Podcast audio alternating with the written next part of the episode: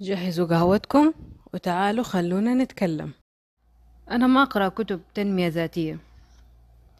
يعني حاولت أكتر من مرة بس ما نجحت. غير في كتابين. البقية مرة مرة ما قدرت.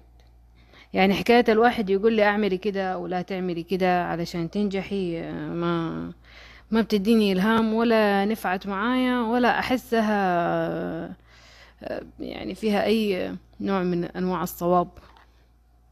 بس الصراحة اللي ألقاه مفيد وملهم آه، كتب السير الذاتية أو كتب السير يعني عموما.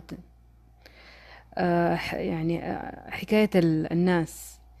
الناس اللي نجحوا واللي كافحوا علشان يوصل لهدفهم.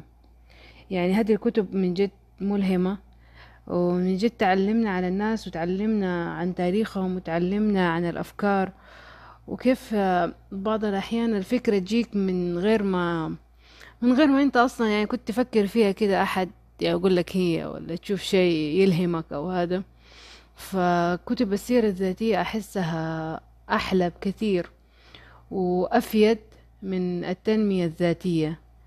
آه يعني مثلا عندكم حكاية آه الدكتور طه حسين عميد الأدب. آه اللي ما يعرف مين طه حسين؟ أول شيء حأعطيكم آه كده نبذة مختصرة عنه.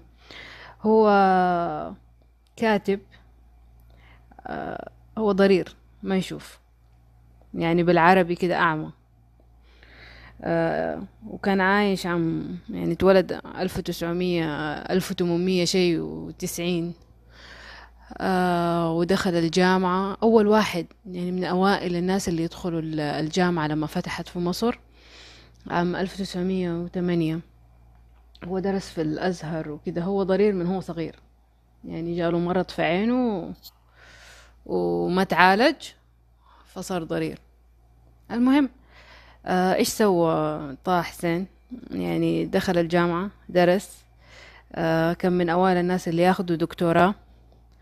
آه تخيلوا يعني ضرير ها؟ ضرير. عام ألف وتسعمية وثمانية. متخيلين؟ أنتوا تخيلوا معايا أنتوا عايشين في هذاك الزمان. هتقدروا تسووا كده وانتوا ما بتشوفوا. آه عام ألف وتسعمية وأربعتاش ابتعثوا لفرنسا يكمل دراسة. ها يكمل دراسة وهو ضرير. عام ألف تسعمية وأربعتاش هذيك الفترة. آه ولا تيجي تقولوا لي هذا هذا شيء مو ملهم. ها؟ درس وأخذ دبلوم دراسات عليا آه، في فرنسا وتزوج ورجع وكتب لنا كتب وقال أشياء كثيرة و... وعاش حياته. يعني أنتم متخيلين إنه كان في إنسان بيقرأ له علشان على علشان هو يفهم و... ويطلع لنا الأشياء اللي طلع لنا هي. مهم الله يرحمه. آه بعدين آه تجيني تقول لي في عامنا هذا اللي إحنا عايشين فيه في عصرنا وتقول لي النجاح صعب. آه يا شيخ النجاح صعب؟ كيف النجاح صعب؟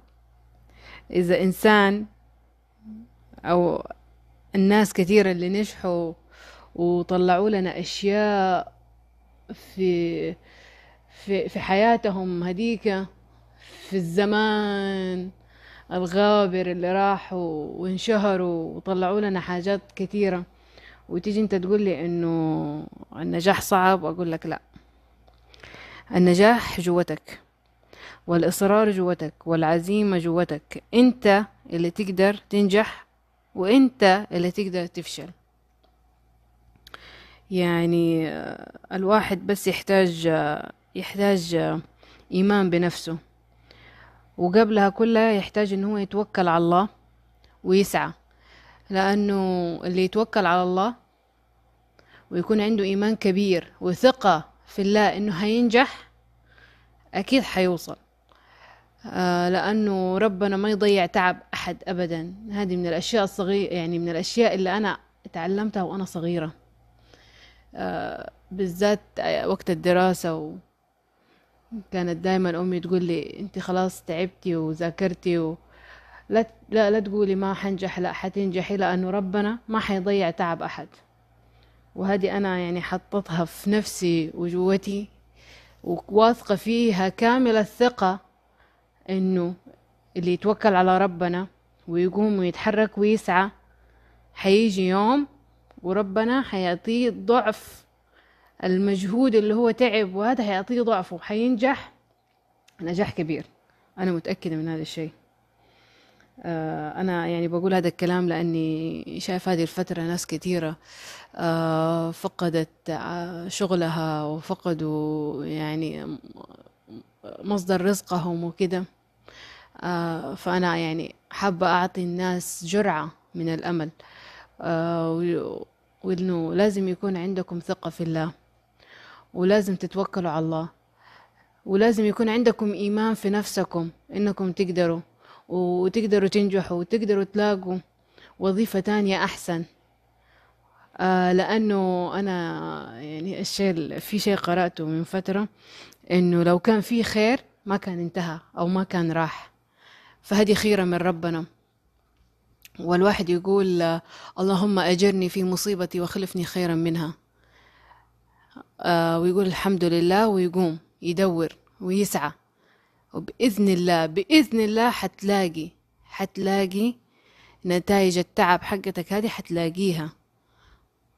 وحتلاقي نجاح كبير أنا عارفة ومتأكدة من هذا الشيء لأنه ربنا ما يضيع تعب أحد. آه لا تيجي تقولي لي آه يا هدير أنت مسوية نفسك إنسانة إيجابية ومتفائلة. أنا يعني مرة ماني متفائلة ولا إيجابية ولا شيء بس آه، أحب أكون واقعية. و...